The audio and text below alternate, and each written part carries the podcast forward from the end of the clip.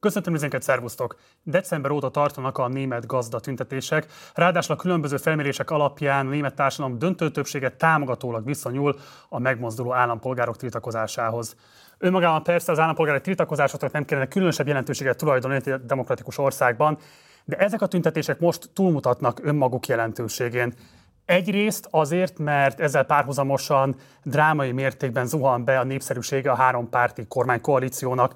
Emellett azért is, mert látványosan erősödnek a rendszerkritikus pártok kiemelkedően az alternatíva Németországért. És azért is fontos ez a tüntetés sorozat, mert rávilágít egy általánosabb problémára is, nevezetesen, hogy az Európai Unió több országában is a különböző zöld átállásokkal kapcsolatos kormányzati intézkedéseket rendkívül heves ellenállás övezi. Mi lehet ennek az oka, és egyáltalán hol tart most a német gazdatüntetéseknek a sorozata? Várható-e valamilyen végkifejlet? Egyáltalán mik a pontos követelések? Ezeket a kérdéseket és az átfogó politikai dilemmákat is érinteni fogjuk a ma esti adásunkban, amelyben meghívott vendégenkkel különböző aspektusait járjuk körbe a probléma együttesnek. Első vendégem Weiler Vilmos, a Telex gazdasági újságíró lesz majd. Mielőtt azonban vele belekezdenénk a téma kitárgyalásába, nézzünk meg egy rövid videós összeállítást a témáról. Traktorok százai zárták el Berlinben a Brandenburgi kapuhoz vezető utat hétfőn tiltakozásképpen. A német gazdák egyhetes tüntetésbe kezdtek, miután kiderült, a kormány adókedvezményeik megszüntetését tervezi. A hét nap alatt országszerte több régióban is megzavarják majd a forgalmat. A világon mindenre van pénzünk. A szakmunkásokra, a menekültekre, a háborúra. Mindenre van pénzünk, csak a saját népünkre nem. A mozdonyvezetők sztrájkolnak béremelést és egy 35 órás, négy napos munkahetet szeretnének. A mozdonyvezetők szakszervezete a jelenlegi bérek megtartása mellett a heti munkaidőt 38 óráról 35 órára csökkenteni. A német vasútársaság elutasította a munkaidő csökkentését fizetéscsökkentés nélkül. Die Energiekosten sind zu hoch. Deshalb muss die Stromsteuer für das produzierende Gewerbe sinken also auch für Land- und Forstwirtschaft. Mit dem Krieg in der Ukraine sind Frieden und Freiheit in Europa wieder bedroht. Sind Frieden und Freiheit in Europa wieder bedroht, weshalb wir wieder wie früher in unsere Sicherheit investieren müssen. Lassen Sie sich davon nicht blenden eine höhere Einkommenssteuer, die zahlen am Ende Sie. Ich kann Ihnen, ich kann Ihnen heute nicht mehr staatliche Hilfe versprechen aus dem Bundeshaushalt. Aber wir können gemeinsam dafür streiten, dass Sie wieder mehr Freiheit und wieder mehr Vertrauen für Ihre Arbeit erhalten. És akkor neki is kezdünk a téma kitárgyalásának. Itt ül már velem a stúdióban Weiler Vilmos, a Telex újságírója. Szervusz, nagyon köszönjük, hogy elfogadtad a meghívást. Kezdjük azzal, hogy ugye december óta tartanak a megmozdulások. Ugye a hétfői Brandenburgi kapu előtti hatalmas, többezres traktorfelvonulás volt a leglátványosabb csúcspontja eddig ennek a tiltakozásnak. De mégis mi a legfontosabb, nem tudom, sarokpontja az eseménytörténetnek, és mi történt igazából hétfő óta? Igen, most volt egy körülbelül egy hónapos tüntetés hullám, aminek az utolsó egy hete volt nagyon intenzív, akkor Németországban volt, hogy egyszerre több száz helyen voltak útlezárások, tüntetések, és ez tényleg akkora volt, hogy az országban mindenki látta. Ez most hétfőn, ahogy mondtad, egy nagy berlini tüntetéssel zárult le, és most szünetel, vagy hát vége van ideiglenesen, és nem született megegyezés a kormány és a gazdák között, és most a gazdák azzal fenyegetőznek, hogyha ez így marad, akkor megint tüntetni fognak. Mikortól? Tehát mikorra van ultimátum kitűzve, vagy van egyáltalán bármilyen céldátum? Még, még erről csak beszélnek, tehát most tárgyalások zajlanak, a kormány azt mondja, hogy majd tavasszal valamikor ö, adnak valamit, vagy akkor majd meg tudnak egyezni valamiben, de ezt a gazdák nem akarják elfogadni, úgyhogy egyelőre nincsen egyesség. Ugye a tiltakozást az két állami támogatásnak az eltörlése váltotta ki. Mik voltak pontosan ezek a támogatások, és igazából mekkora összegről beszélünk? Hát, tehát azt tudni kell, hogy Németországban is, mint a legtöbb fejlett országban van az a probléma, hogy a, a, ugye a kisebb gazdaságok nem tudnak versenyezni a nagyobbakkal, és emiatt ezeket úgy tartják életben, hogy nagyon sokféle kedvezményt kapnak, meg tehát adókedvezményeket, állami támogatásokat, ők is kapják azokat az uniós támogatásokat, mint a magyar gazdák, és a német, tehát a német gazdák is legalább tíz fajta ilyen kedvezményt kapnak, és ebből most kettőt akart eltörölni a kormány. Az egyik az az volt, hogy a, a német mezőgazdaságban nem kell most a tehergépjárművek után gépjárműadót fizetni, a másik pedig az, hogy ők a, a dízelen lévő jövedéki adó egy részét visszaigényelhetik. Mm. És ezt, ezt jelentette be a német kormány december 13-án, hogy ez január 1-től életbe lép ez a két kedvezménynek az eltörlése, ami nyilván nem ö, szerencsés így két héttel az év ö, vége előtt ezt bejelenteni, és, ö, és ez váltotta ki a tüntetéseket. Ugye van a tüntetéseknek egyfajta zöld ellenes éle, hogyha lehet így fogalmazni, ami mint hogyha azt mondaná, hogy az egész kedvezmény eltörlés az gyakorlatilag a zöld átállásnak a számlájára írandó. Miközben ugye a zöldpárti, zöldpárti mezőgazdasági miniszter Cem Özdemir úgy nyilatkozott, hogy őt a kormány döntésében nem is vonták be és ilyen drasztikus lépést ő amúgy ellenezne. Ha ez a miniszternek az állítása, akkor mégis miből adódik ez a zöld ellenes karakter a megmozdulásoknak? Bocsánat, azt az előbb kifejtettem, hogy ugye volt ez a két intézkedés, és abból az egyiket visszavonták január elején, a másodikra pedig azt mondták, hogy, hogy részlegesen három év alatt fogják bevezetni, tehát hogy most már az eredeti, eredeti két dolog is és kevesebb, mint felére csökkent, és ez egyébként tehát összegszerűen ez, ezek nem hatalmas összegek, de a gazdák azt mondják, hogy ez az utolsó csepp a pohárban, tehát hogy, hogy nagyon sok fajta olyan adóváltozás, meg gazdaságpolitikai változás volt az elmúlt 10-12 évben, még a Merkel idején is, amit környezetvédelemmel indokoltak meg. És ezek által úgy néznek ki, hogy a gazdaságban valakinek többet kell fizetnie, és ezt a pénzt aztán valahol a lakosságnak vissza, visszaadják, de, de amikor a gazdákat mondjuk, vagy a fuvarozókat ez rosszul érinti, akkor ők, ők nyilván azt érzik, hogy a környezetvédelem miatt élnek rosszabbul, vagy megy az ő vállalkozásoknak rosszabbul. És ilyen, ilyen adóváltozásból nagyon sok volt az elmúlt tíz évben, ez a, ez a, a, ez a mostani változás, ez, ez is ennek a sorozatnak része, és azt gondolják az emberek, hogy ha a környezetvédelem miatt élnek rosszul, az biztos a zöldek tehetnek erről. De ugye lehet tudni azt, hogy van egy alkotmánybírósági döntés, ami miatt hát gyakorlatilag le kellett faragni a tervezett költségvetésbe, ennek esett áldozatául ezek a támogatások. Ugye Magyari Péter írja a Válasz Online-os cikkében azt, hogy a gazdálkodóknak a haragját az is erősíti, hogy például az az összeg, amit így a támogatásokon keresztül megvannak, azt szinte eurocentre egyezik az Ukrajnának szánt támogatásokkal, miközben nyilvánvalóan ez a kettő így egy egyben nem áll összefüggésben egymással, tehát kicsit a, ő is így fogalmazza meg, hogy az alma és a körtének az összehasonlítása. De mégis, hogyha azt lehet lehet látni, hogy egy alkotmánybírósági eljárás következménye ez a támogatás megvonás. Miért a zöldekre van kiélezve mégis a gazdatársadalom ennek egyre része? igen, az, a, az az alkotmány rész, amit uh, idéztél, az, az azt jelenti, hogy az a szabály Németországban, hogy az állam az nem vehet fel új hitelt, tehát csak annyi hitelt vehet föl minden évben, amennyi hitelt visszafizetett abban az évben, tehát nem adósodhat el az állam és ezt tartották is a Covid előtt, aztán a Covid idején felfüggesztették, és volt négy év, amikor először a Covidra, aztán az ukrajnai háborúra hivatkozva nem kellett betartani. És akkor új hitelt fel tudott venni a kormány. És a 2024-es költségvetést is így tervezték meg, tehát hogy hitelfelvétel volt benne, és utána az Alkotmánybíróság azt mondta, hogy hát most már nincsen vészhelyzet, most már be kell tartani ezt, és akkor decemberben kellett úgy átírni a német költségvetést, hogy, hogy 60 milliárd eurót kellett találni a semmiből. És akkor ennek volt része, hogy nagyon sok, nagyon sok helyen átalakították a költségvetést, és az egyik volt az, hogy a gazdáknak a, a támogatását azt lecsökkentették, vagy ezt a két támogatást meg akarták szüntetni részben, és, és aztán ebből ugye visszakoztak, de, de hogy, hogy nyilván akik, akik a gazdák most rosszabbul járnak, ők minden más helyére a költségvetésnek mutogathatnak, hogy hát miért nem, miért nem tőlük vesznek el. Hát igen, és ugye maga Linner pénzügyminiszter, aki ugye piacpárti álláspontot is képvisel alapvetően a koalíción belül, maga is úgy beszélt, hogy igazából most fontosabb költeni adott esetben a fegyverszállításokra, mint a gazdáknak a támogatására. A Úgyhogy ebből a szempontból kérdezem, hogy igazából a állampolgári szemszögből nézve, még hogyha egyébként költségvetési szempontból nem is összehasonlítható a két tétel, de azért megalapozottnak tűnik az az elégedetlenség, ami azt mondja, hogy látványosan van pénz fegyverszállításokra, és most mégis ezeket a támogatásokat akarják elvenni. Arra hivatkozva nincsen vészhelyzet, miközben rendkívül magasak az energiaárak. Szerinted mi volt a legfontosabb kormányzati kommunikációs hiba, ami adott esetben bizonyíthatóan tüzelte az elégedetlenséget?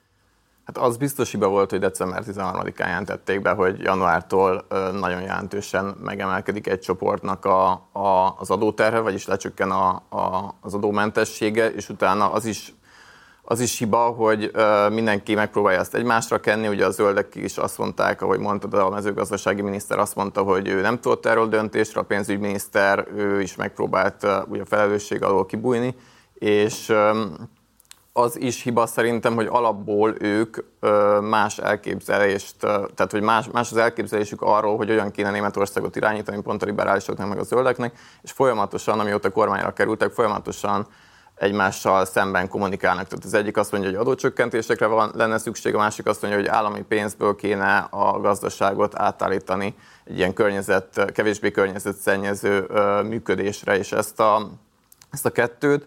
Tehát az egy dolog, hogy egymással szemben cselekszenek, tehát olyan törvényeket hoznak, amik néha, néha így, így nem látszik az irány, hogy most már akarnak menni, de hogy a kommunikációban is az egyik ezt mondja, a másik azt mondja, és akkor az emberek könnyen arra jutnak, hogy ezek hát így nem tudják, hogy mit akarnak.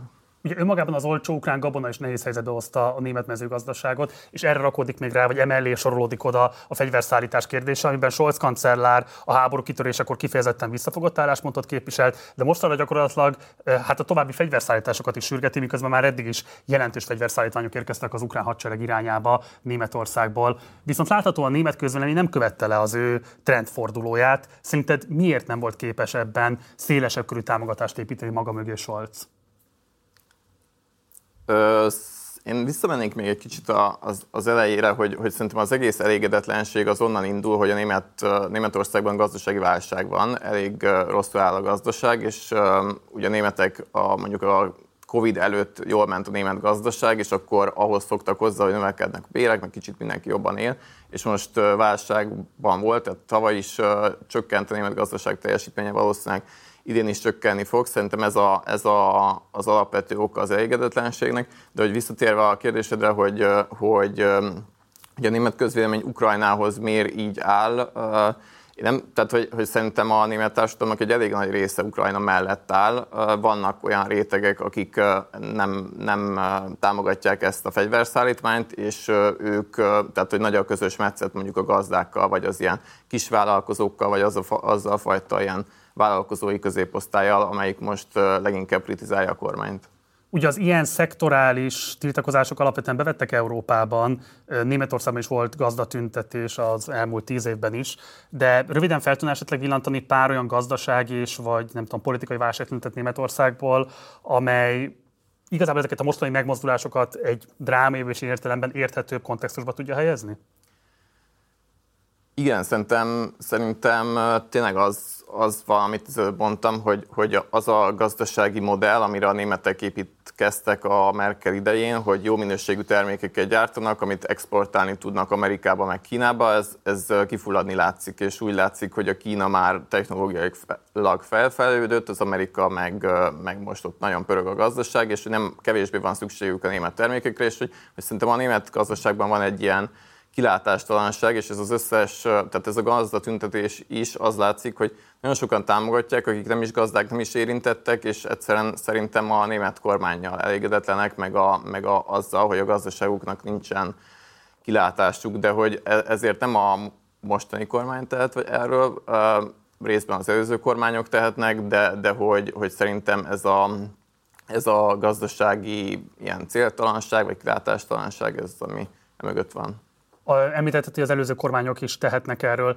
Ki lehet jelenteni a te értékítéleted szerint, hogy itt a Merkeli korszak prosperálásának a hosszú árnyéka érik most be és mutatkozik meg ezekben a válságtünetekben? Szerintem abszolút, abszolút. És ez azon látszik legjobban, hogy azok a népszerűtlen intézkedések, amiket most a gazdák meg a tiltakozók azt mondják, hogy ezek a zöldeknek a hibája, ezeket szinte mind a Merkel idején hozták, csak Merkel nagyon okos volt, és mindegyik mindegyik változást úgy vezették be, hogy majd 6 vagy 8 vagy 10 év múlva uh, lép hatályba az adott törvény, uh-huh. és, és ez most van, ez a 6 vagy 8 vagy 10 év, és, uh, és most egy csomó ilyen környezetvédelemre hivatkozva uh, megalkotott törvény most lép hatályba, vagy most nő mondjuk egy adó olyan mértékben, hogy azt már érezni lehet, de hogy ezekről lehet, hogy nem tudom, 8 év vagy 10 éve döntöttek. És szerinted látszik-e bármilyen terv, hogy a gazdasági céltalanságból milyen kiút mellett akarja elkötelezni magát a koalíció. Kérdezem ezt azért is, mert ugye azóta nem csak a gazdák vannak az utcán, hanem a vasúti dolgozók, fuvarozók és a házi orvosok is.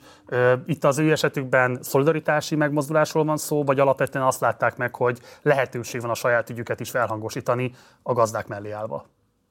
Szerintem az orvosok az kicsit más történet, a, a vasutasoknál ez az éves ilyen bértárgyalásnak a része, hogy, hogy, hogy most sztrájkoltak, ez, ez előző években is volt, tehát ez, ez se felti, az, hogy most egybe időzítették, az nyilván egy nyomásgyakorlás, de hogy ezt se feltétlenül mondanám azt, hogy, hogy teljesen összefügg a fuvarozók, meg a kisvállalkozók, ők, ők, ők teljes mértékben a, a gazdákkal együtt mozognak, meg, meg ők is érintettek ezekben a változásokban, úgyhogy, úgyhogy szerintem az, az igaz, hogy, hogy ők ugyanazért dolgoznak, igen, vagy ugyanazt szeretnék. És akkor a koalíciónak zárásként ezt szeretném megkérdezni tőled, tehát látszik el, hogy hogyan akarják ezt a helyzetet kezelni, hogy milyen kiút mellett akarják elköteleztetni saját magukat? Nem látszik, mert az a koalíciónak az a problémája, hogy van benne két baloldali párt, meg egy jobboldali párt, és a, a két baloldali párt azt szeretné, hogy, hogy felvennének hitelt, amit belefektetnék a gazdaságba, és hogy a gazdaság majd ilyen megújuló alapon fel tud pörögni. De ugye ehhez hitelt kéne felvenni, amit nem tudnak megtenni az alkotmánybíróság miatt, és, és emiatt az a tervük, a Scholznak volt egy ilyen nagy 200 milliárd eurós gazdaságfejlesztési programja, ezt most az Alkotmánybíróság döntése miatt nem fogják tudni végrehajtani, úgyhogy szerintem még nem látszik. Elhamarkodott, erősen recsegő ropogó koalíciós feszültségekről beszélni, amelyek adott esetben a koalíció életképességét is veszélyeztetik?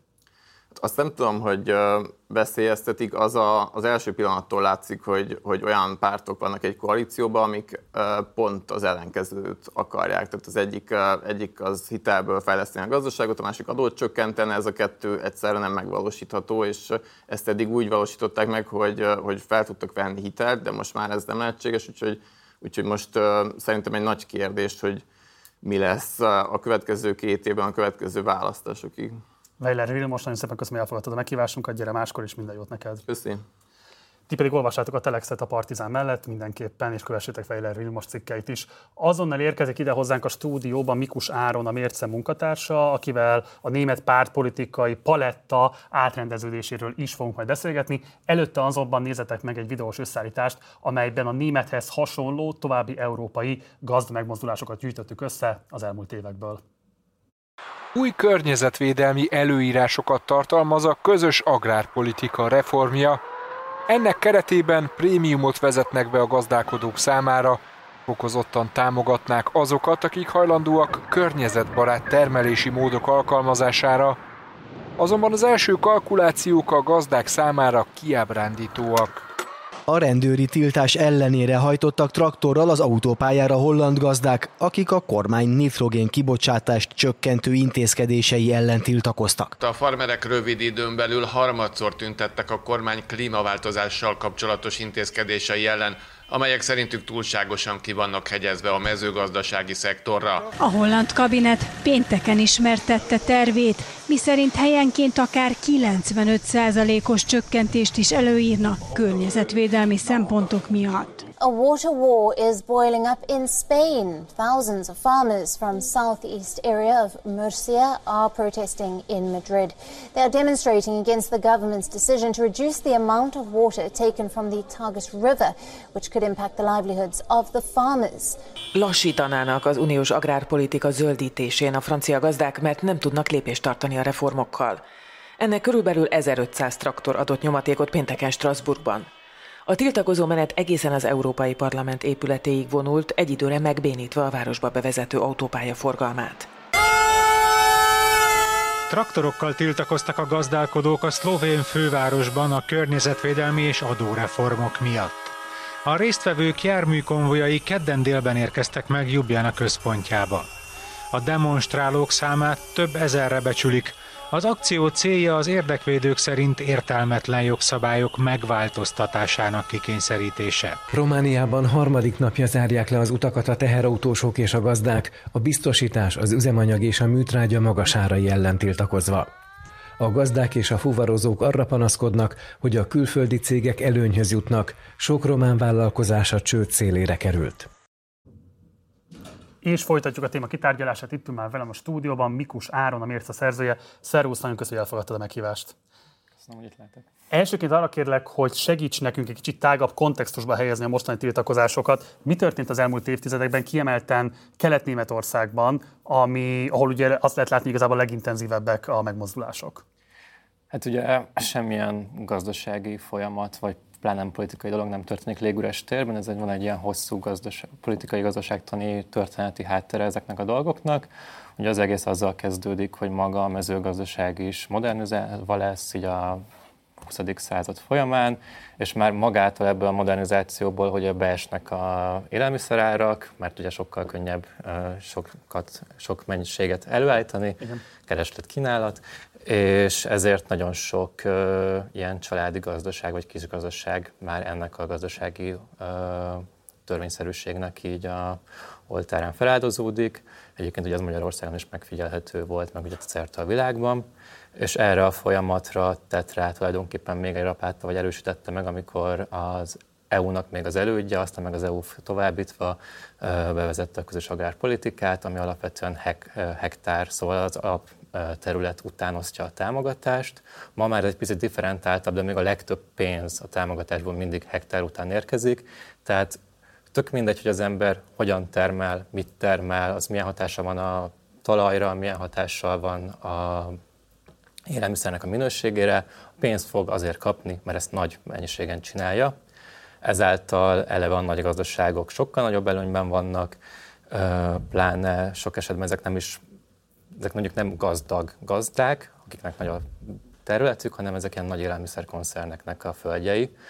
És akkor Kelet-Németországra rátérve, ott lényegesen magasabb a földkoncentráció, mint mondjuk Németország más területein, ami arra vezethető vissza, hogy Kelet-Németországban is, mint a legtöbb szocialista vagy létezett szocialista országba belettek terelve ezek a kis gazdaságok termelőszövetkezetekbe, majd ezek a termelőszövetkezetek egyben lettek privatizálva a német újraegyesítés során, tehát itt sem a korábbi gazdacsaládok tudták visszavásárolni a saját földjeiket, hanem főleg nyugat-német nagy koncernek érkeztek meg, és nagy területen folytatják ezt a fajta gazdálkodást. Ugye sokan aggódtak konkrétan a koalíció megalakulása óta, hogy ez a Szocdem, Zöld, FDP együttállás, amit ugye a németek a pártok színei alapján jelzőlámpa koalíciónak is neveznek. Szóval, hogy egész egyszerűen ebbe kódolva vannak azok a feszültségek, amelyek a kormányzó képességet hátráltathatják. Ugye az előző blogban is erről beszéltünk. Kiemelten volt egy olyan típusú félelem, hogy mivel az erősen piacpárti FDP birtokolja, vagy adja a pénzügyminisztert, ezért a további koalíciós partnerek különböző eh, kormányzati intézkedések intézkedéseit gátolhatja, és kifejezetten hátráltathatja, hogy a válságok kezelésében attraktívan tudjon föllépni. Ez okozza a legfontosabb problémát, vagy van más, amivel magyarázni lehet, hogy miért nem tud igazán attraktívan fölépni a válság kezelésében a kormánykoalíció? Hát ugye az előző blogban is volt már szó, hogy bizonyos megkötések között működnek a német kormányok, és tulajdonképpen így ezek a jogi megkötések, ami a adósságfék, Ugye 2009-től a német alkotmányban van rögzítve, tehát három, mi ez kétharmad kell ahhoz, hogy valaki ezt megváltoztassa, és ameddig CDU és FDP van a német parlamentben, ez nem fog megtörténni. És ugye ez nem engedi meg, hogy az, a kormány az az GDP-nek a 0,30 igen, 0,35%-ánál nagyobb hitelt fölvegyen. És akkor ugye ebben a keretben van az, hogy akkor vagy újraelosztunk, és mondjuk adót emelünk, vagy pedig nem csinálunk semmit tulajdonképpen, vagy pedig a meglévő dolgokkal próbálkozunk egy átcsoportosítani egyik zsebből a másikba, és mivel ugye az FDP adja a pénzügyminisztert, akik alapvetően az ilyen felső középosztály életmód pártja. Egyébként ez a vezetőjükön is remekül látszik, Krisztán Linner, aki Porsét vezet, a, házas, a házasságkötését a Zült szigetén, a gazdagok kedvenc ki, kiránduló terén tartja, helikopterrel érkezik oda, és tulajdonképpen így az egész párt tulajdonképpen arra van, arra megy ki, hogy ez az életmód ez ne legyen veszélyeztetve, ne legyen adóemelés, ne legyen bármi, ami ezt így veszélyezteteti. És akkor itt jön az, hogy tulajdonképpen ezzel egy időben viszont vannak elég erős strukturális problémái a német gazdaságnak, aminek az egyik oka pont ez az adósságtól való félelem, amit még a CDU-s konzervatív fiskális politika tett le, tehát nagyon sok infrastruktúra az országnak egyszerűen el van rohadva. Legyenek azok az iskolák, kórházak, utak, egyszerűen a sínnek nincsenek rendesen kiépítve. Most például az legújabb hírek szerint ebből fognak még most elvenni pénzt, hogy befoltozzák ezeket a hiányzó dolgokat, amiket uh, szintén a alkotmánybíróság döntések kapcsán hiányozni fog a költségvetésből. Hm. És hát ugye mindeközben, és itt van is egy ábránk, amit tudunk kérni, Olaf Scholznak és a kormánynak a megítélés hát történelmi mélyponton van, itt lehet látni a nézőink számára.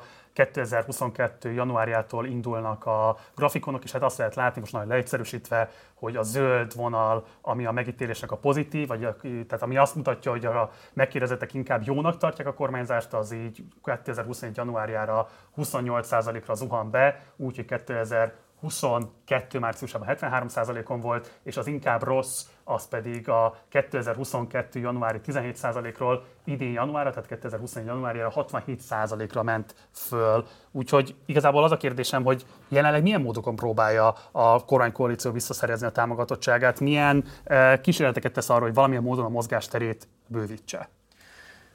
Hát alapvetően szimbolikus uh, dolgokkal próbálkozik. Uh,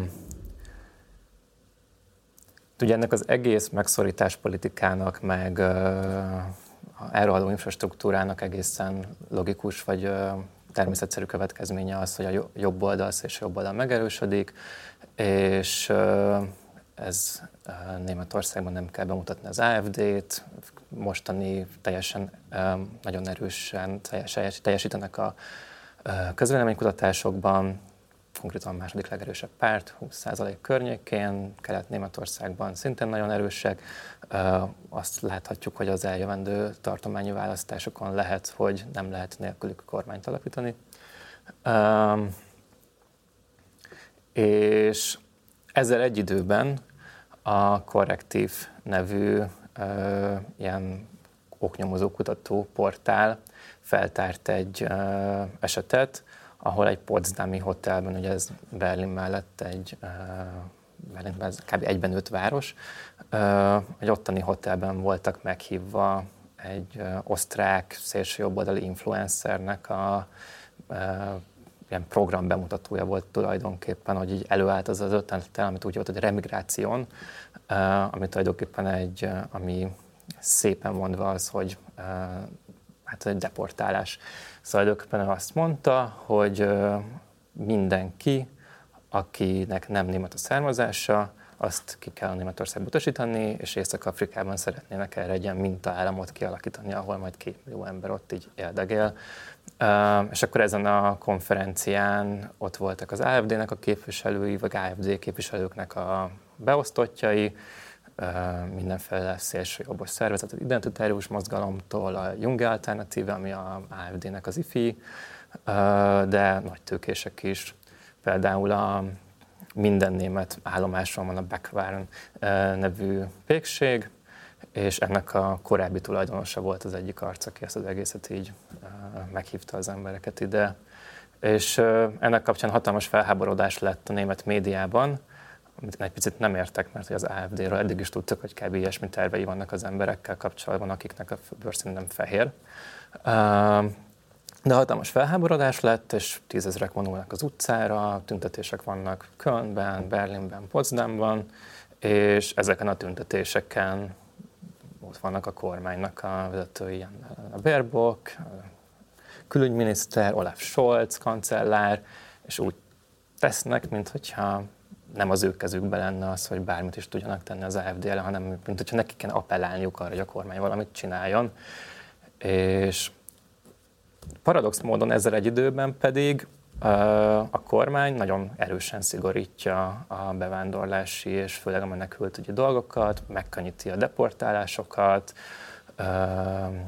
csökkenti a menedékkérőknek nyugtatott szociális támogatásokat, valamint a munkanélkülieknek a segélyét is csökkenteni szeretné, valamint sokkal erősebb szankciókat bevezetni azok ellen, akik úgymond nem együttműködőek, tehát nem fogadják el a számukra elsőként felkínált munkát. Hogyan látod az AFD-nek igazából a szereplését ebben a mostani válság együttesben? Mert valóban a konferencia, amire utaltál, azután magyarázkodásra kényszerültek, hogy az volt az egyik, hát elég sokat mondó magyarázatuk, hogy ők egyébként a már állampolgársági státusszal rendelkező ö, embereket nem akarják kitoloncolni. De hogy a kérdés az, hogy ezzel nyilvánvalóan most képesek solcik valamilyen szinten, legalább a sajátjaik körében az AFD-vel szembeni szkepticizmust, vagy ellenségességet, vagy nem tudom én kritikát feléleszteni, de közben az látszik, hogy mintha a gazdatüntetésnek az egyik fő haszonélvezője lenne lennének ők, ami azért furcsa alapvetően, mert közben ők maguk erősen um, piacpárti, megszorító javaslatokkal éltek, tehát kifejezetten nem támogatták az állami űrelosztással kapcsolatos terveket. Ez az ellentmondás nem kezdik ki a renoméjukat a most tüntető vagy az eddig tüntető gazdák körében? Szerintem azt érdemes figyelni, amit még a legelső bejátszóban volt ez a hölgy, aki elmondta, hogy mindenkire van pénz, és akkor itt nem tudom, felsorolta, csak saját népre nem, és akkor a saját nép és így felsorolta a szakmunkásokat is, mint a saját népben nem beleillő uh, csoportot. Uh, szóval tulajdonképpen itt uh, oké, okay, megszorítások, a jóléti államnak a leépítése, de nem Szóval a jóléti államnak a leépítés az alapvetően azok ellen megy, akik élősködnek rajta ugye az embereknek a gondolataiban. Ez az egyik. A másik pedig, hogy nagyon sok ember hiába lenne rászorulva arra, hogy mondjuk a Szóval nem, nincs annyi pénz, hogy mondjuk elmenjen egy privát kórházba, és így rá lenne szorulva arra, hogy ne omoljon összefülötte a kórház, és mondjuk így ezért nem kell azt hinni az embereknek, hogy mondjuk így Németországban is sokkal jobb állapotban lenne az infrastruktúra, mondjuk így az egészségügyben is, mint mondjuk Magyarországon, pláne mondjuk Kelet-Németországban. Erős állítás azért. Hát nem olyan rossz, mint Magyarországon, de hogy azért ott is elég hosszú várólisták vannak, főleg, hogyha ja, mondjuk ez kicsit, hogy de szerintem ne ebbe az irányba menjünk el, bocsánat a kérdés válaszolva, mert hogy majdnem elmentem arra, hogy a pszichiátriai listáknak milyen hossza van, és ezzel hogyan spekulálnak, és mondjuk Ján Spánnak milyen befektetései vannak pszichiátriai vizsgálatokat kipótló appokba. De visszatérve a kérdésre, hogy sokan a, úgy gondolják, hogy tulajdonképpen ők nem szorulnak rá a jóléti államra, ők keményen dolgoznak, ők fizetnek adót, ők megoldják a helyzetük, az élethelyzetüket a piacon. Ez az egyik ilyen ö, önbecsapása ennek a dolognak, a másik pedig az, hogy, ö, hogy alapvetően ilyen nagyon erős kulturális vonzó ereje van az AFD-nek. Ugye ez nagyon egyszerű ö, azt mondani, hogy nyilván a menekültek miatt nincs elég pénz, szóval hogyha még lenne is pénz, akkor azt megkapják a menekültek. A másik pedig, hogy az AFD azért tud ebből még profitálni, mert ők tűnnek az emberek szemében ennek az egész rendszernek az ellenzékének. Ezt akartam igazából kérdezni, hogy valóban van egy olyan elemzői megfejtés, hogy nem is a jobboldalisága miatt népszerű az AFD, hanem azért, mert nagyon meggyőzően és attraktívan tudja magát rendszerellenesre mutatni. És azért ezzel párhuzamosan közben azért a baloldalon is elindult egy rendszerellenes kezdeményezés, Zára Wagenknecht új pártja, ami, és van két ábránk, amit most szeretnék bekérni. Az elsőben azt lehet látni, hogy Wagenknecht nélkül hogy néz ki az AFD támogatottsága. A második példában meg azt lehet majd látni, hogy igazából Wagenknechtnek az indulása képes érdemben csökkenteni az AFD-nek a szereplését. Tehát azt lehet látni, hogy ha van a Wagenknecht párt, akkor 14% szavazatra számíthatnak, és négyet az AFD-től, hát vesznek el, most ezt idézőjelben mondom. Mit kell tudnunk erről a formációról, a, arról a formációról, amit a táblázatban, vagy hát a grafikonon lilával jelölünk, de ez ne tévessze meg a Magyarország nézőket, ez egy legalábbis ön definíció értelmében egy karakteresen baloldali párt. Tehát mit kell tudnunk Wagenknechtékről? Hát igen, most már ugye ez pártként is megalakult, és továbbra is ez a Bündniszer Wagenknecht, tehát a Wagenknecht szövetsége néven fut. Ez egyébként egészen jól vagy nagyon sok mindent leír a pártról valójában, szóval, hogy uh, Zara Wagenknecht egy régóta ismert figurája a német közéletnek, ő még annó a kelet-német utód pártban a demokratikus, párt a demokratikus szocializmusért, PDS-ben kezdte meg a politizálását, és ott a kommunista platformnak volt egy ilyen uh, prominens alakja. Uh, aztán így uh, idővel konszolidálódott, és ez mondjuk nagyon jól lekövethető a könyvein, hogy például 2011-re már arról ír, hogy a gazdasági növekedést és az innovációt kell elősegíteni, és igazából már a szocializmus így szép lassan így kiveszett a szókincséből, már ez abszolút, most már a alapprogramokban sincsen benne, és tulajdonképpen ez a párt köré van felhúzva. Az elmúlt hát lassan évek azzal teltek a német baloldalon, főleg az intézményesített német baloldalon, hogy Sarah Wagenknecht, aki korábban a Bal pártnak az egyik társvezetője volt, miután a párton belül erőviszonyok átrendeződtek, folyamatosan vitában állt a pártvezetéssel, és azt vetette a pártvezetés szemére, hogy túlságosan egy ilyen városi életmód baloldal, ennek az ilyen progresszív milliónek politizálnak, sokkal fontosabbak nekik a kulturális kérdések, mint a munkások. Tehát ezt az ilyen klasszikus érvelést hozta elő, hogy osztálypolitikát kéne folytatni identitáspolitika helyett. Viszont, hogyha megnézzük azt, hogy ő valójában mit képvisel, akkor azt látjuk, hogy egyébként nála is nagyon erősen megjelennek kulturális kérdésekben való állásfoglalások, amelyek inkább ilyen konzervatív oldalra sorolhat, teszik őt besorolhatóvá. Például ő is beszél rengeteget arról, hogy a migráció Németországban olyan mértékeket öltött, hogy azt már nem bírja el a német gazdaság, és egyfajta ilyen felső határa van szükség.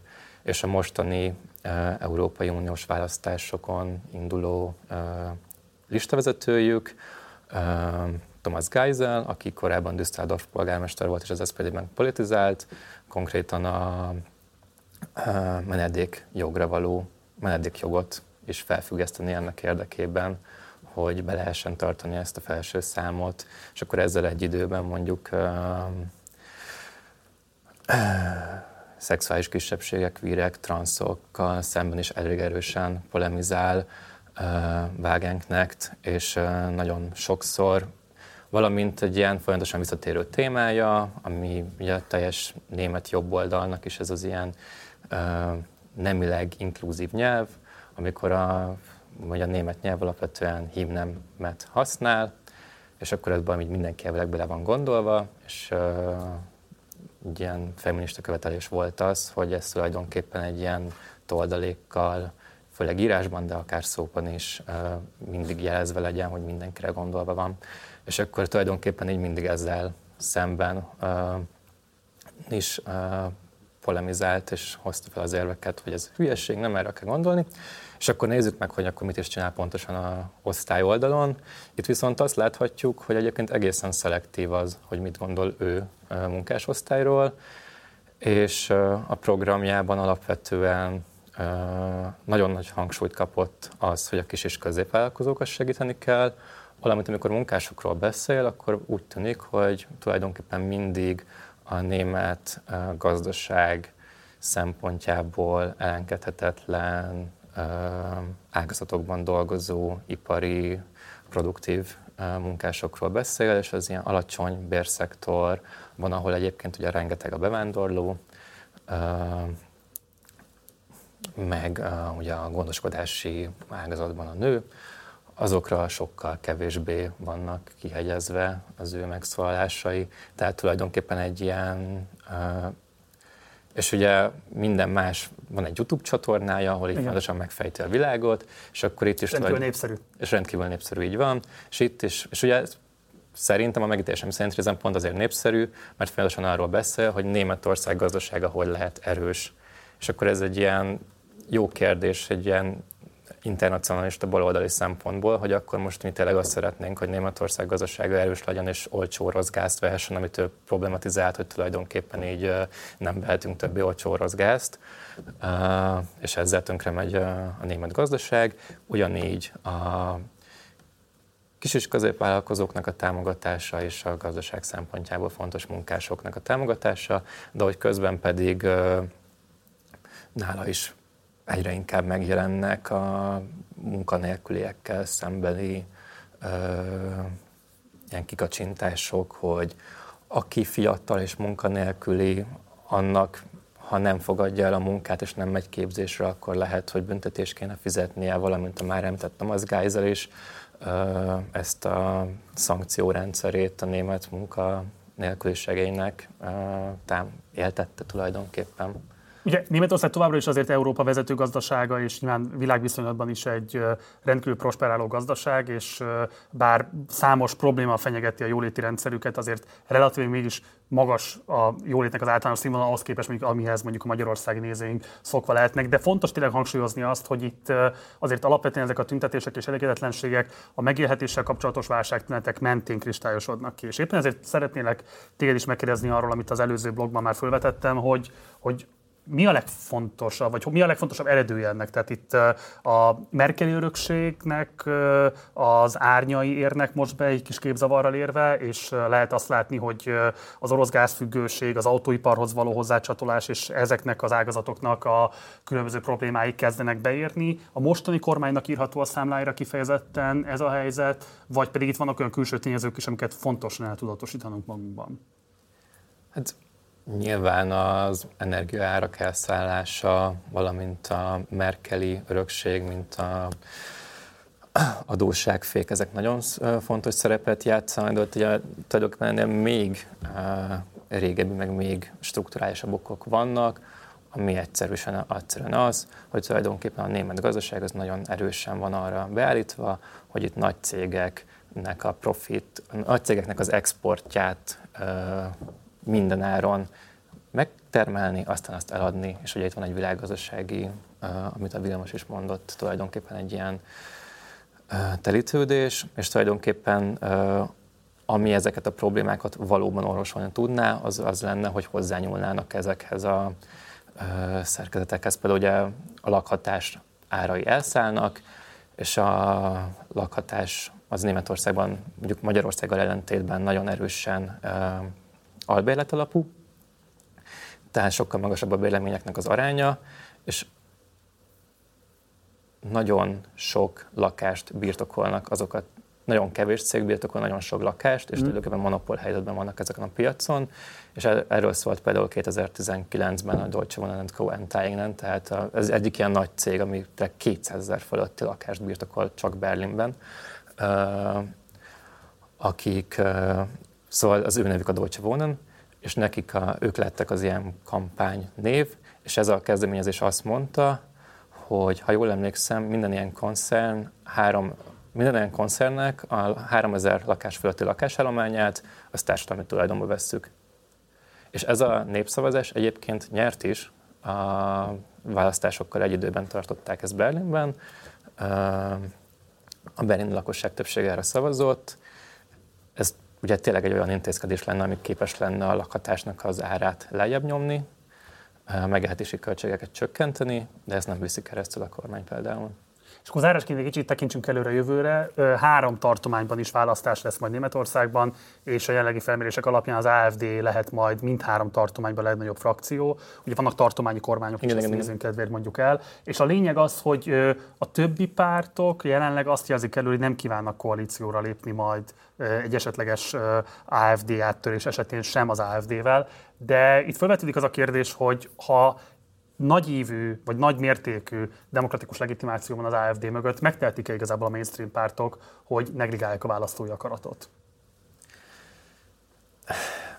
Hát itt az a kérdés, mire szeretnék valójában negligálni. Szóval, hogyha megnézzük azt, hogy milyen együttműködések vannak már most, akár tartományi, de még inkább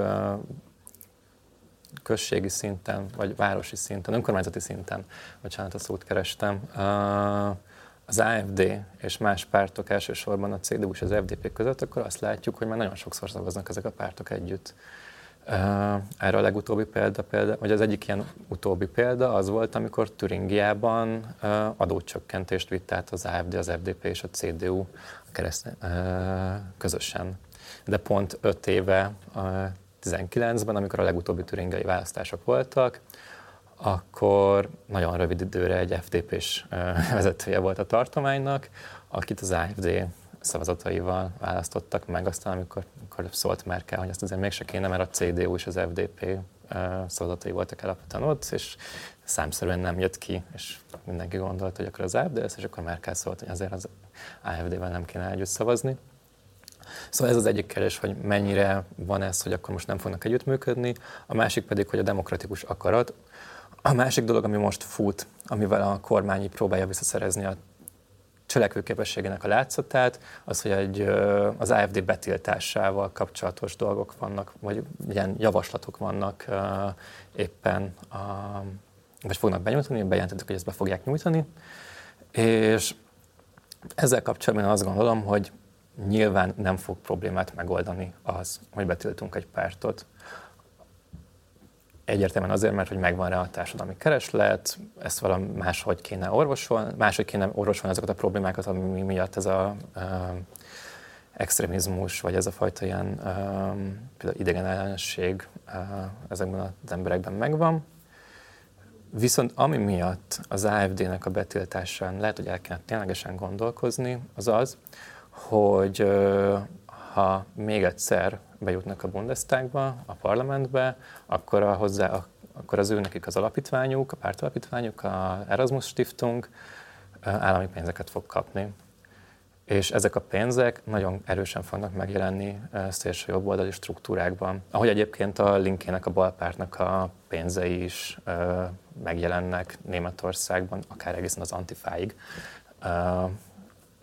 ami mondjuk, hogyha engem kérdezel, nem egy akkora probléma, de mondjuk így az AFD keresztül nem szeretnék állami pénzeket olyanoknál látni, akik a német hadseregtől eltűnt fegyvereket valószínűleg otthon tárolják. Mikus Ára, nagyon szépen köszönöm, itt voltál velünk, és mindent megosztott a nézőnk, és kontextusba helyezted a német gazdatüntetéseket. Gyere majd máskor is minden jót. Köszönöm szépen. A német gazdatüntetések egy újabb mozzanata annak, amit már 2010 óta láttunk, nevezetesen, hogy a klasszikus politikai törésvonalakat újabb típusú kérdések írják fölül, migráció, klíma, klímaválság, illetve a szexuális kisebbségek helyzete hogy pontosan milyen képet vetít előre ezeknek az új típusú törésvonalaknak a megjelenése, erről fogunk beszélgetni Kovács Eszter politológussal, aki azonnal érkezik majd ide a stúdióba. De előtte nézzünk meg egy videós összeállítást arról, hogy a különböző gazdatüntetéseket hogyan próbálják a jobboldali megmondó emberek kihasználni saját céljaikra. Még aki nem különösebben figyeli a nemzetközi híreket, az is valószínűleg találkozott a holland farmerek tüntetéseivel. Például, amikor trágyát szórtak az utakra, vagy amikor éles fegyverrel lövetett rájuk a liberális miniszterelnök. Miért nem holland belül? Miért van minket is érintő, messzire mutató jelentősége annak, ami ott történt, és főleg annak, ami miatt történt mindez? Az állattenyésztők kiszorítása mögött meghúzódó fő cél a növényi alapú élelmiszerek és a vegetáriánus életmód népszerűsítése. People are suffering.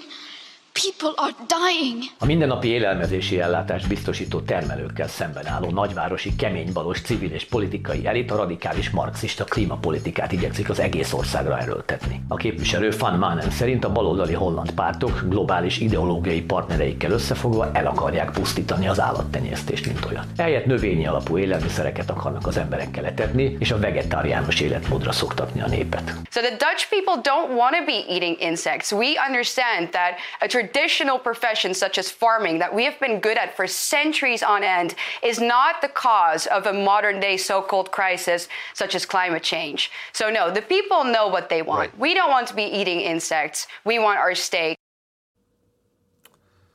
És folytatjuk a téma kitárgyalását. Itt ül már a stúdióban Kovács Eszter politológus, a Bécsi Egyetem kutatója. Szervusz Eszter, nagyon köszönöm, hogy elfogadtad a meghívást. Köszönöm szépen.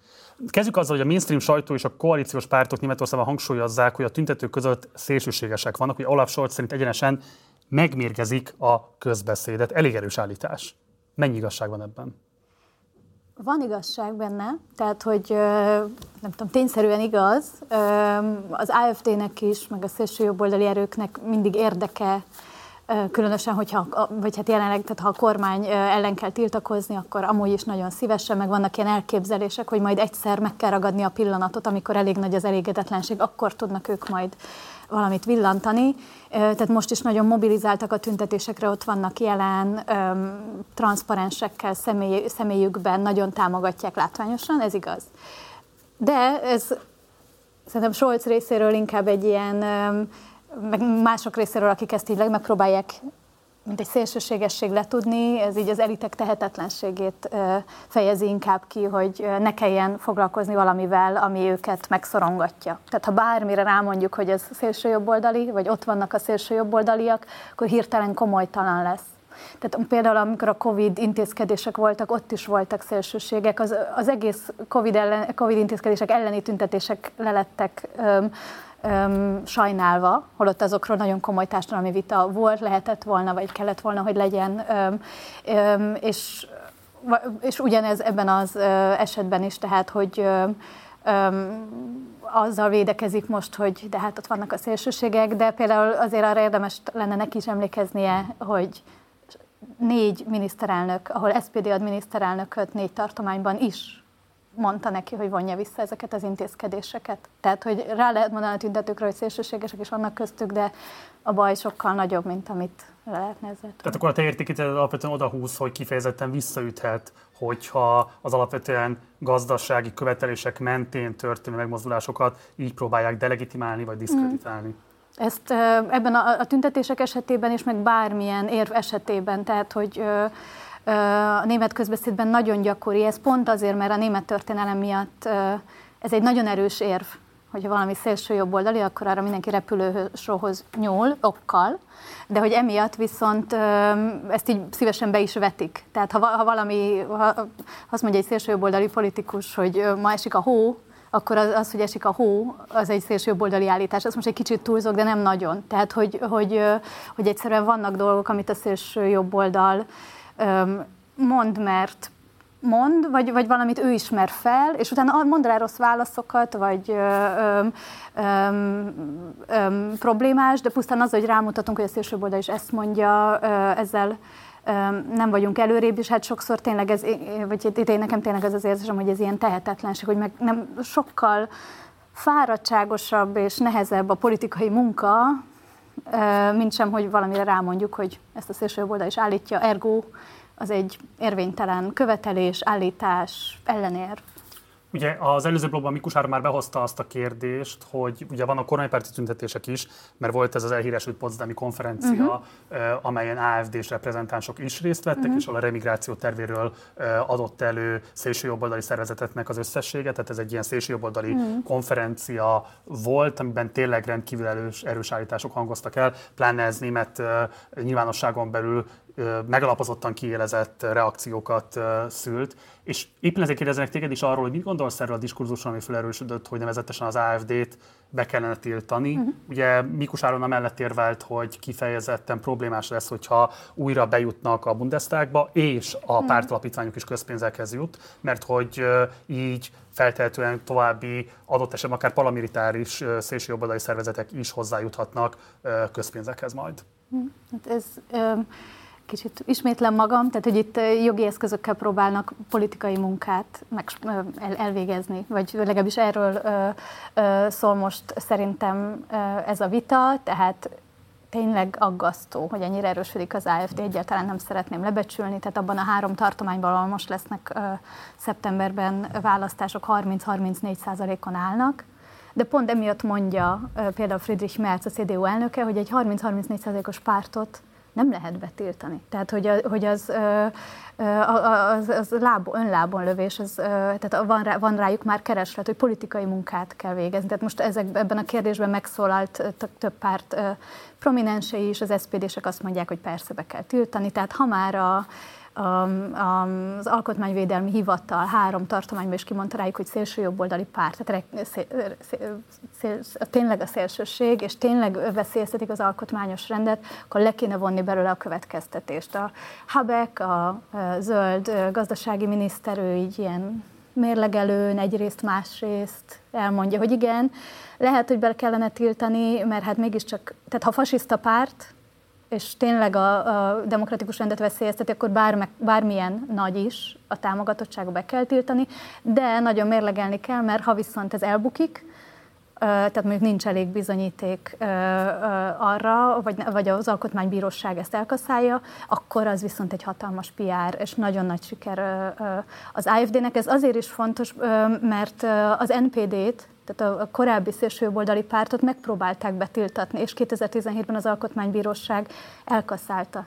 tehát egy 300 oldalas dokumentumban azt mondta, hogy hogy ugyan szélső jobboldali, de sokkal nagyobb lenne a költsége a betiltásnak, és hogy ez nem, nem, nem indokolt. Tehát, hogy itt, itt nagyon sok szempont merül fel. Szerintem az is szempont, amit az Áron mond, hogy aggódunk amiatt, hogy ha erősebben kerülnek be a Bundestagba, akkor sokkal jobban ki tudnak építeni struktúrákat, de hát, hogy mondjam, van még idő a következő Bundestag választásig, politikai munkát kell végezni. Tehát, hogy így az a, az, az ilyen felháborodás, hogy tennünk kell valamit, akkor követeljük ezt, ez, ez, és vagy hogy beszéljük rá az elitjeinket, hogy indítsák el a betiltás folyamatát, ez azt spórolja meg, hogy megértsük, hogy azt a, tehát, hogy az, az a komoly munka, hogy miért tűnik ez jó ajánlatnak emberek milliói számára, mi az, mik azok a sérelmek, amik nem találnak máshol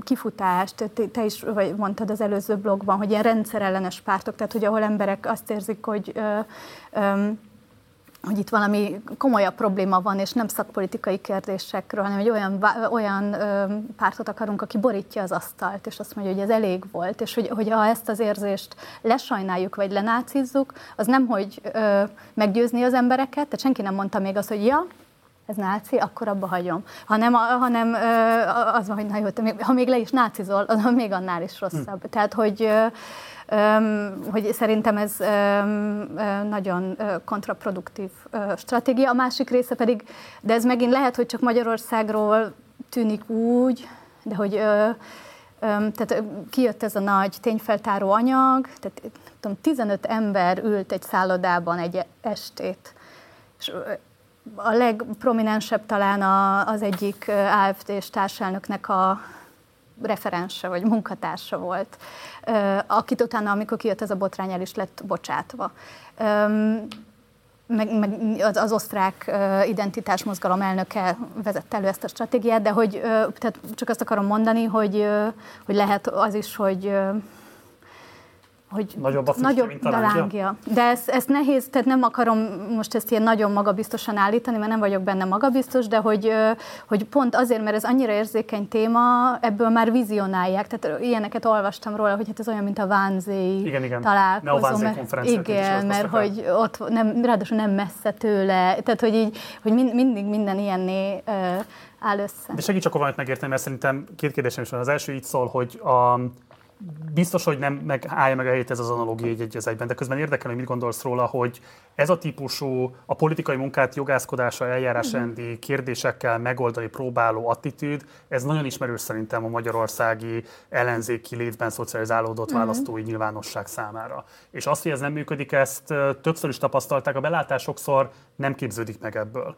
És az, amikor azt mondod, hogy politikai munkára lenne szükség, bár amennyire evidensnek tűnhet, valójában mm. mégiscsak kérdés, hogy rendben van, de hogy mit kéne csinálni pontosabban, mm. mert hogy ha az AFD-t politikai ellenfélként azonosítják be a kormánypártok, uh-huh. akkor helyesen teszik, hogyha egy olyan helyzetben, amikor megalapozottan politikai hibát vét az ellenfél, akkor odalépnek, tüntetést szerveznek fel, megmozdulnak, uh-huh. erőt mutatnak, de közben azt is mondod, hogy ezzel minthogyha valójában az AFD vitorlájába fújnák bele a szelet. Uh-huh. Tehát, hogy igazából mi lenne akkor az a politikai munka, ha nem az, hogy a politikai hibát kinagyítják, uh-huh. felhangosítják, és a saját táborukat uh-huh. pedig megpróbálják mobilizálni. Ehelyett mire lenne igazából szükség? Vagy miről szól a német közbeszéd, uh-huh. a baloldalias közbeszéd, mit hiányolnak, vagy mit próbálnak javasolni politikai munkaként, ahelyett, amit most csinál a kormánypárt?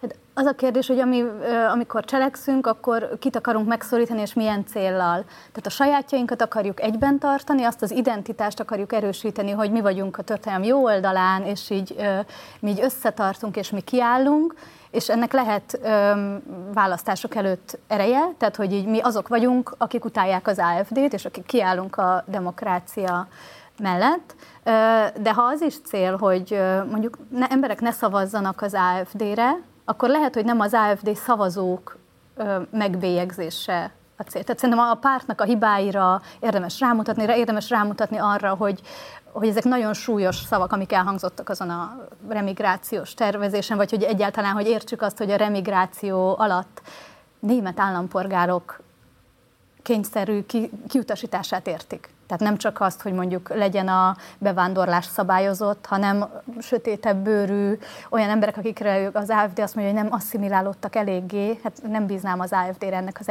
megítélését, hogy kiket gondol asszimiláltnak. Tehát, hogy ezek nagyon súlyos dolgok, ezekre rá kell mutatni, tehát én nem, nem ezt mondom, de hogy, a, hogy mintha ilyen néhány lépést meg akarnánk spórolni, és ez, ezért ne legyen ez a párt. Ilyen, ilyen, nem tudom, mágikus gondolkodás, vagy hogy így, mintha így szavakkal ki lehetne iktatni azt, azt a társadalmat, meg azt a, a ami kitermelte erre a, a keresletet, amire az AFD mindig ráugrik és, és, és erősödik. Tehát az, hogy 21-ben 11%-kal kerültek be a Bundestagba, most országosan láttuk az ábrán, és 22%-on állnak egy csomó tartományban, 30% fölött. Tehát, hogy a politikai munka szerintem minimum abból állna, de most nem, nem, nem, nem tudom, nem vagyok abban a pozícióban, hogy ezt megmondjam, de az, hogy egy ilyen pontosabb megértése annak, és ezt így lehozva egész pici szintre, tehát hogy az adott településeken megérteni hogy ott miért az az alternatíva a legjobb, és hogy, hogy lehetne ott, és azt ott elvégezni kerületekben, településeken, azt a meggyőző munkát, azt a egyszerűen valami tehát jobb jobbat, de nem csak üzenetek szintjén, hanem nem tudom, javaslatok, politikák szintjén, ami képviselet, közösségiség, és akkor ezekből építkezni, nyilván hosszabb távon, de nem tudom, lehet, hogy ez ez is naív elképzelés, de ahhoz képest, hogy, hogy így kijelentjük, hogy be kell tiltani, lehet, hogy előrébb. És ha már a politikai munkát mondod, a rendszerellenesnek mondott AFD vitorlájából, akkor te mit gondolsz a Zárvágenknek pártja ki tudja fogni a szelet, ezzel kapcsolatban Mikus Áron kifejezetten mm. szkeptikus volt. Igen. De hogyan látod, ők lehetnek a megoldás az AFD előretörésére?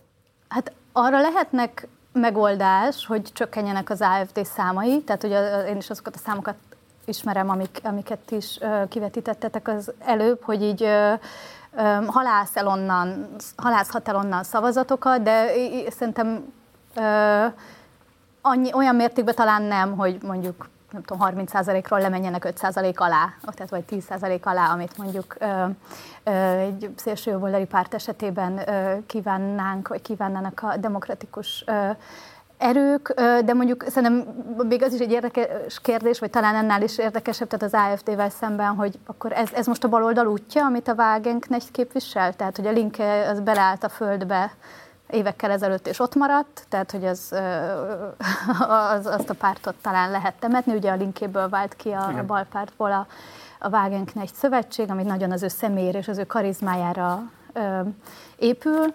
Ö, az SPD ugye most jelenleg ő is, ő is veszített több mint 10 pontot a választások óta, tehát most talán 14 százalékon vannak, mert hogy Scholz nagyon népszerűtlen meg a pártja, tehát hogy most akkor ez, a, ez az új baloldali remény, de abban osztom az Áron álláspontját, hogy ez a, az ilyen úgy nemzeti baloldal, hogy így a migránsokat közben, beleértve a kelet-európai migránsokat így ellenségként tételezzük, az nem, nem lehet egy út előre. Tehát, hogy így az, az szerintem fontos, hogy így nem tudom, komolyan veszi a kis emberek sérelmeit, tehát amit, amit mondjuk a progresszív urbánus elitek sokszor lesajnálnak, meg lerasszistáznak, meg lehomofóboznak, de hogy mondjuk valóban komolyan, vagy valóban az az út elő, hogy a német gazdaságot kell, tehát a német gazdaság felsőbbrendűségét, meg a német emberek jólétét kell mindenki más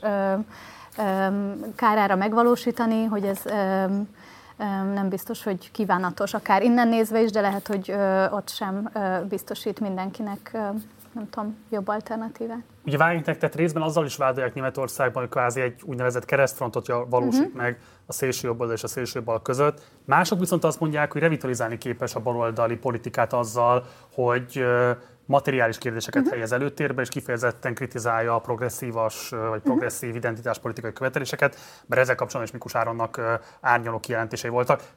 Te hol látod az igazságot meghúzódni uh-huh. ebben a kérdésben? Hát én több mindennel egyet tudok érteni, meg ilyen, ilyen jó kuncogni azon, ahogy polemizál bizonyos ilyen tényleg progresszív őrültségeken, vagy amiket én is őrültségeknek tartok.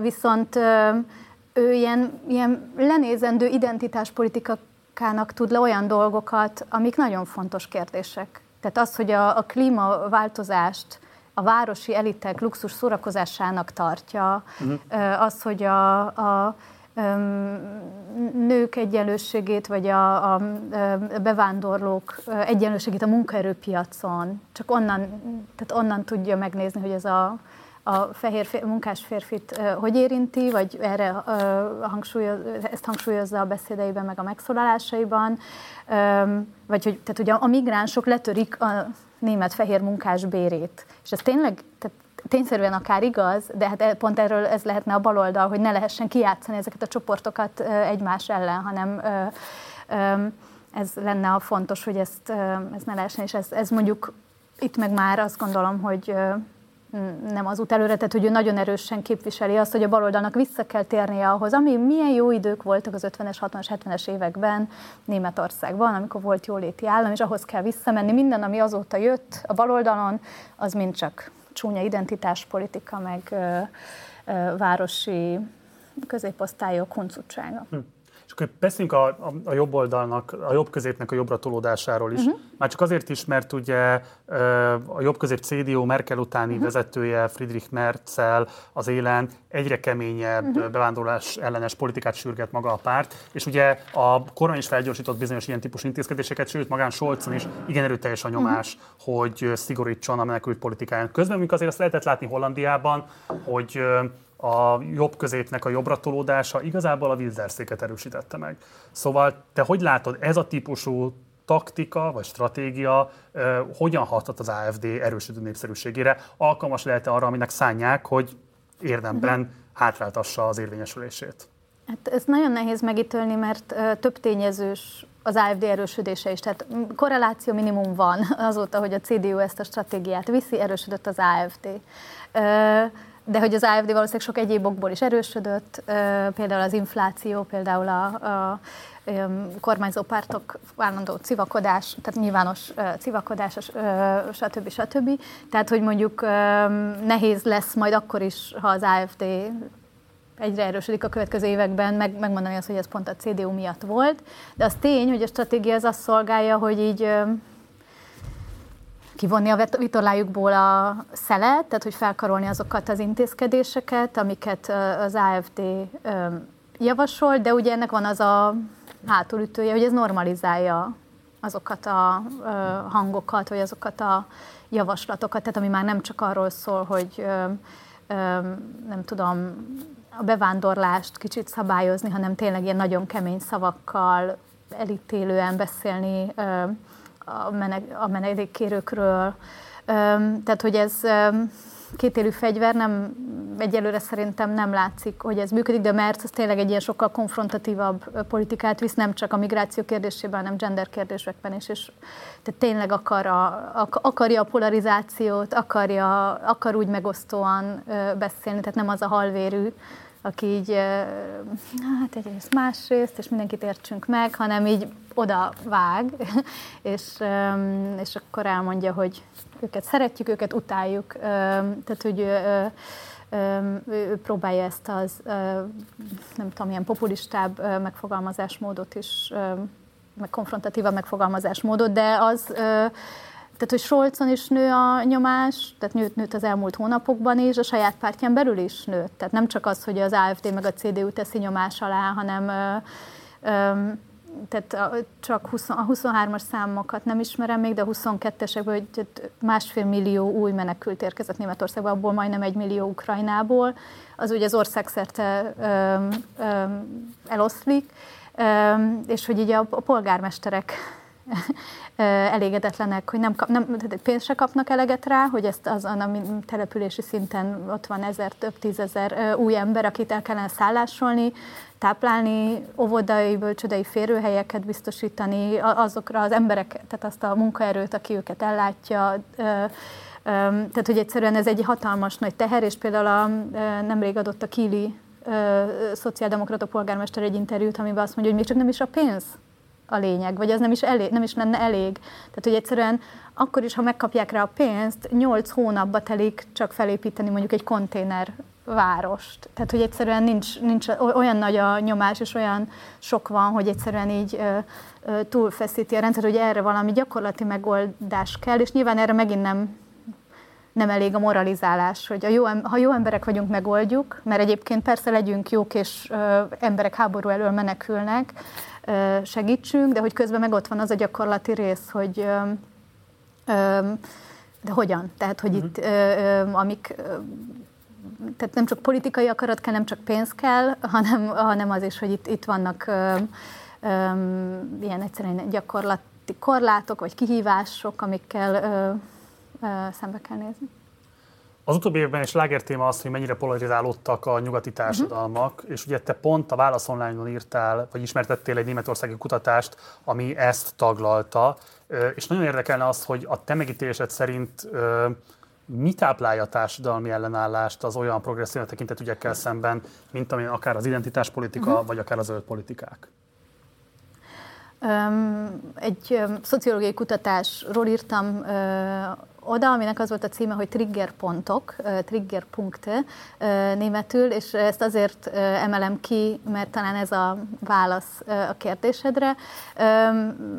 A kutatók azt találták mindenféle kérdőíves felmérés, fókuszcsoportos interjúk, stb. alapján, hogy hogy ez az egész polarizációs diskurzus, ez nagyon el van túlozva.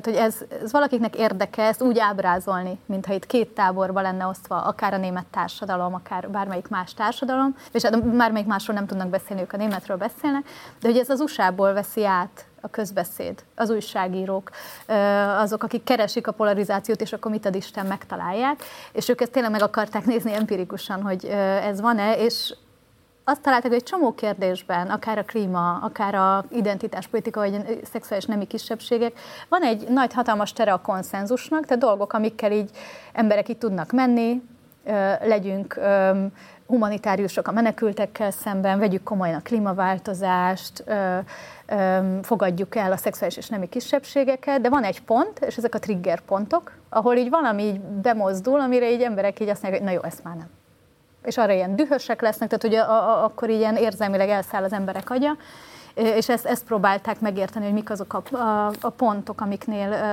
ez megtörténik, és például az egyik ilyen, ez a, amikor és ezért emlékeztem már most is többször ezt a nagyon nagy hatást tett rám az a könyv, ezt a, a moralizálás ö, ö, szót, tehát amikor úgy érzik, hogy itt elitek nem arról beszélnek, ami a valós ügy, hanem csak azt akarják bebizonyítani, hogy ők a jó oldalon állnak. Mm. És, és hogy ez egy ilyen elkülönülési stratégia is a, a nem elég képzettektől, akik nem eléggé követik a aktuálisan legtrendibb nyelvhasználatot, akit mindig rá lehet mutatni, hogy te most csúnyán beszélsz, és ez már olyan, mint, majdnem, mint a jobb oldal, és hogy, hogy ezek, a, ezek nagyon erős indulatokat váltanak ki, vagy például a klíma klímával kapcsolatban, hogy ez egy, az a nagy kapcsolatban nagyjából konszenzus van a német társadalomban, hogy van, ember okozta, illetve kapitalizmus okozta, akár még az, az, az, azzal kapcsolatban is vannak belátások.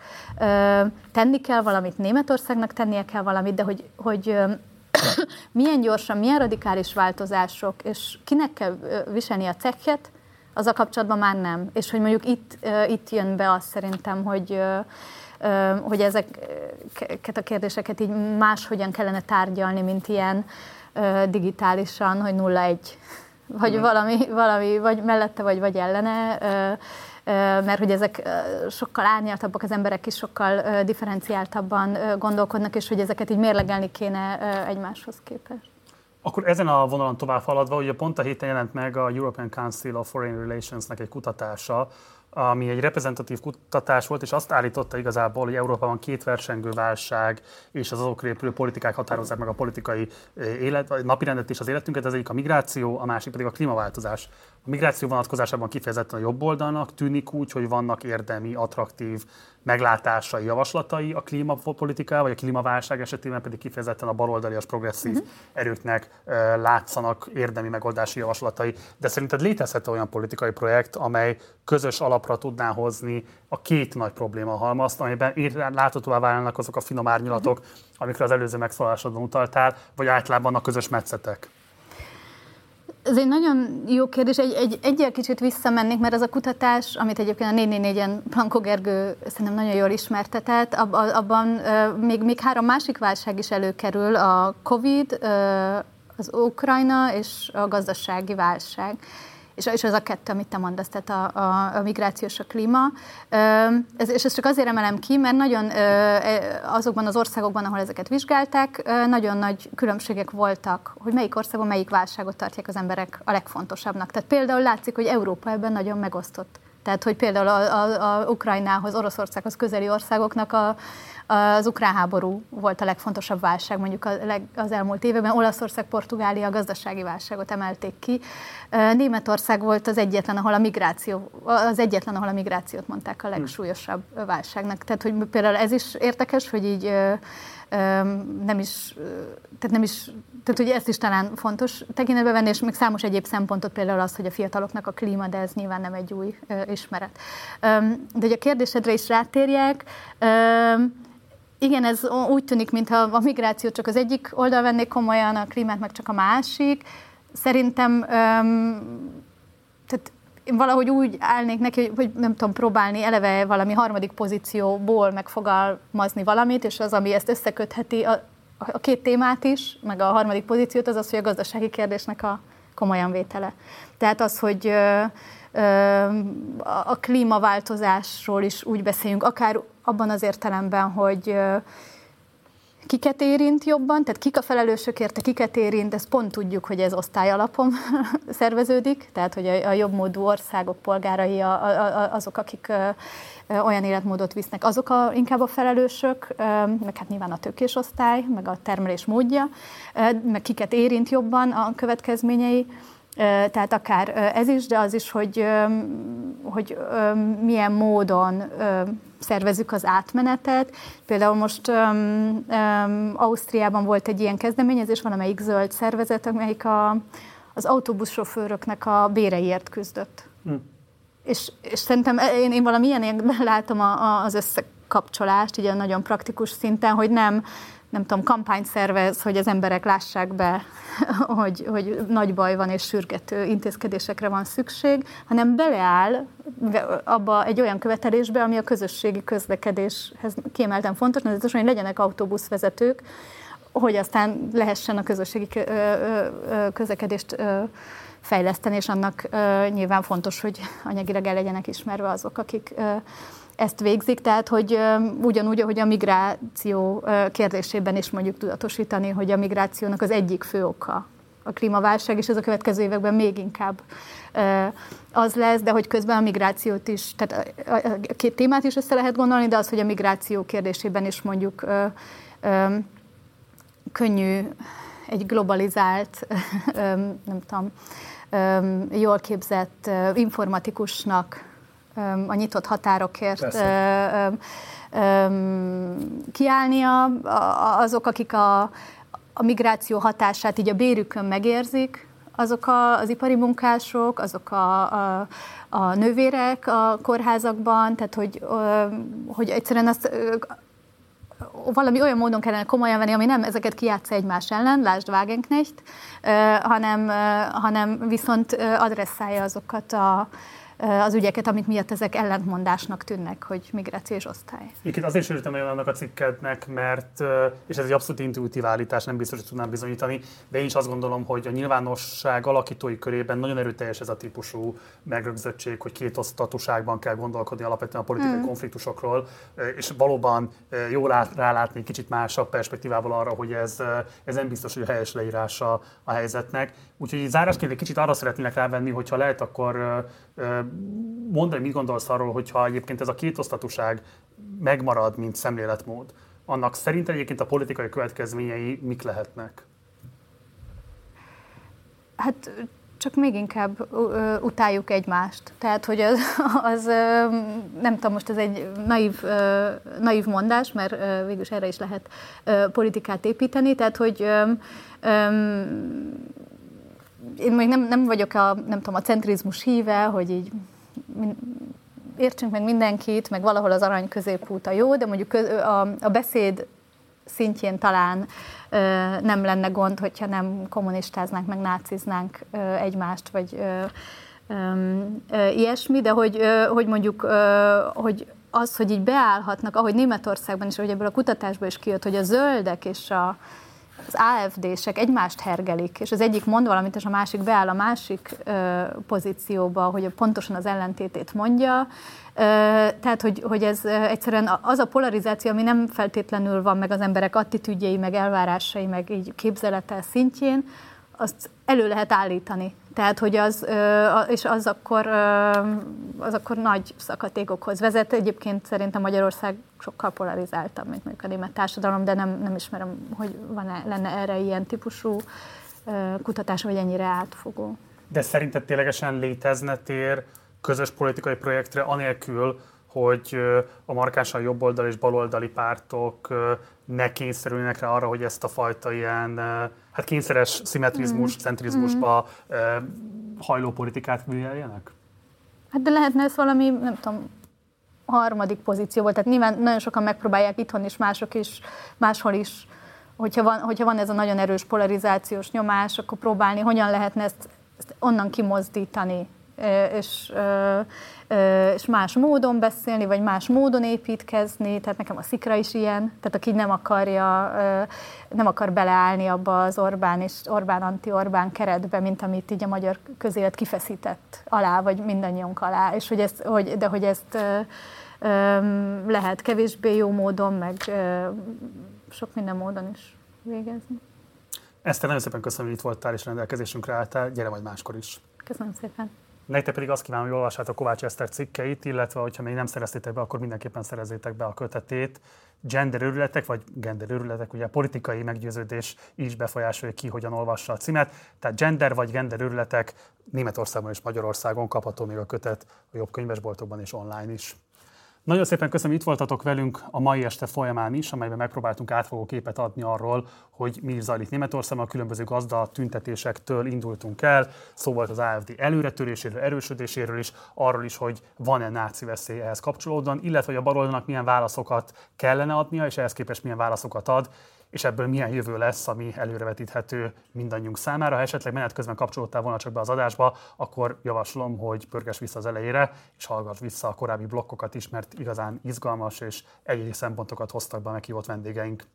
Ha még nem iratkoztál volna fel a csatornánkra, mindenképpen tedd meg, illetve ha szeretnéd, akkor mostantól minden péntek reggel hozzáférhetővé válhat, válhat számodra is a Partizán hírháté szolgáltatása a péntek reggel, amelyre, hogyha feliratkozol, a leírásban megtalálod a szükséges linket, akkor mindig pénteken reggelente kapsz egy hírlevelet, egy podcastot, illetve egy videót, amelyben egy témát járunk körbe, különböző feldolgozási formákban, folyamatosan egyre mélyebb és mélyebb ismereteket átadva az adott témáról, és te döntöd el, hogy meddig jutsz el ebben, úgyhogy ha még ezzel nem találkoztál volna, akkor mindenképpen érdemes adnod egy esélyt ennek a szolgáltatásunknak is. Mondom még egyszer, péntek reggel a leírásban megtalálod a linket hozzá. Ha pedig az erőforrásaid lehetővé teszik, akkor kérlek, hogy szállj be a finanszírozásunkba, hogy ehhez hasonló műsorokat a későbbiekben is tudjunk majd készíteni. Munkatársaim nevében köszönöm szépen a megtisztelő figyelmet, jó hétvégét kívánok, én Gulyás Márton voltam Budapestről, hétfő este találkozunk, addig is ciao.